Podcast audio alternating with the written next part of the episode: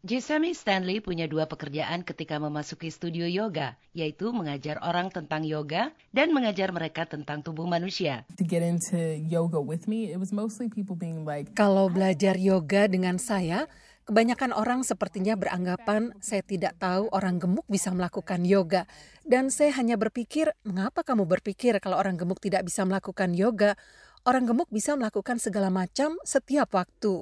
Stanley bahagia akan penampilan dirinya. Ia menyukai kesibukan dan kesibukannya bekerja keras mengajar orang seperti dia sendiri. Tetapi perlu waktu baginya untuk menerima pandangan dunia ini. Selama bertahun-tahun, warga North Carolina itu percaya bahwa berat badan akan menghambatnya mengembangkan karir impiannya. the yoga practice is really meant for everyone. White, slender body. Latihan yang benar-benar untuk semua orang.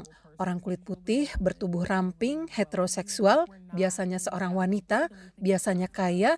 Jika kita tidak berada dalam lingkungan itu, maka kita pikir itu bukan untuk kita. Tetapi pada suatu saat Stanley menyadari bahwa bukan majalah mode atau TV yang dia sendiri yang tidak percaya bisa memenuhi impiannya. Jadi, ia memutuskan untuk menerima dirinya dengan apa adanya dan dalam waktu singkat hidupnya mulai berubah. Terlepas dari apa yang dia pikirkan, latihan yoganya menjadi sangat populer dan perusahaan besar seperti Kotex dan Samsung memintanya untuk bekerja sama dengannya. Seorang penggemar yoga, Dorita mengatakan, Because she's different. She doesn't look like what people. t- Karena dia berbeda dengan lainnya. Ia tidak tampak seperti layaknya orang yang melakukan yoga. Dia lain dan dia menerima perbedaan dirinya itu. Dia membicarakan tentang perutnya, payudaranya, dan semua yang umumnya tidak kita bicarakan di dalam latihan yoga. Tetapi itu nyata dan asli, dan kami perlu itu. Peserta lain, Latisa mengatakan, She's very approachable. Dia sangat mudah didekati, punya pendekatan yang sangat wajar untuk mengajar. Jadi tidak ada yang menakutkan yang ia ajarkan.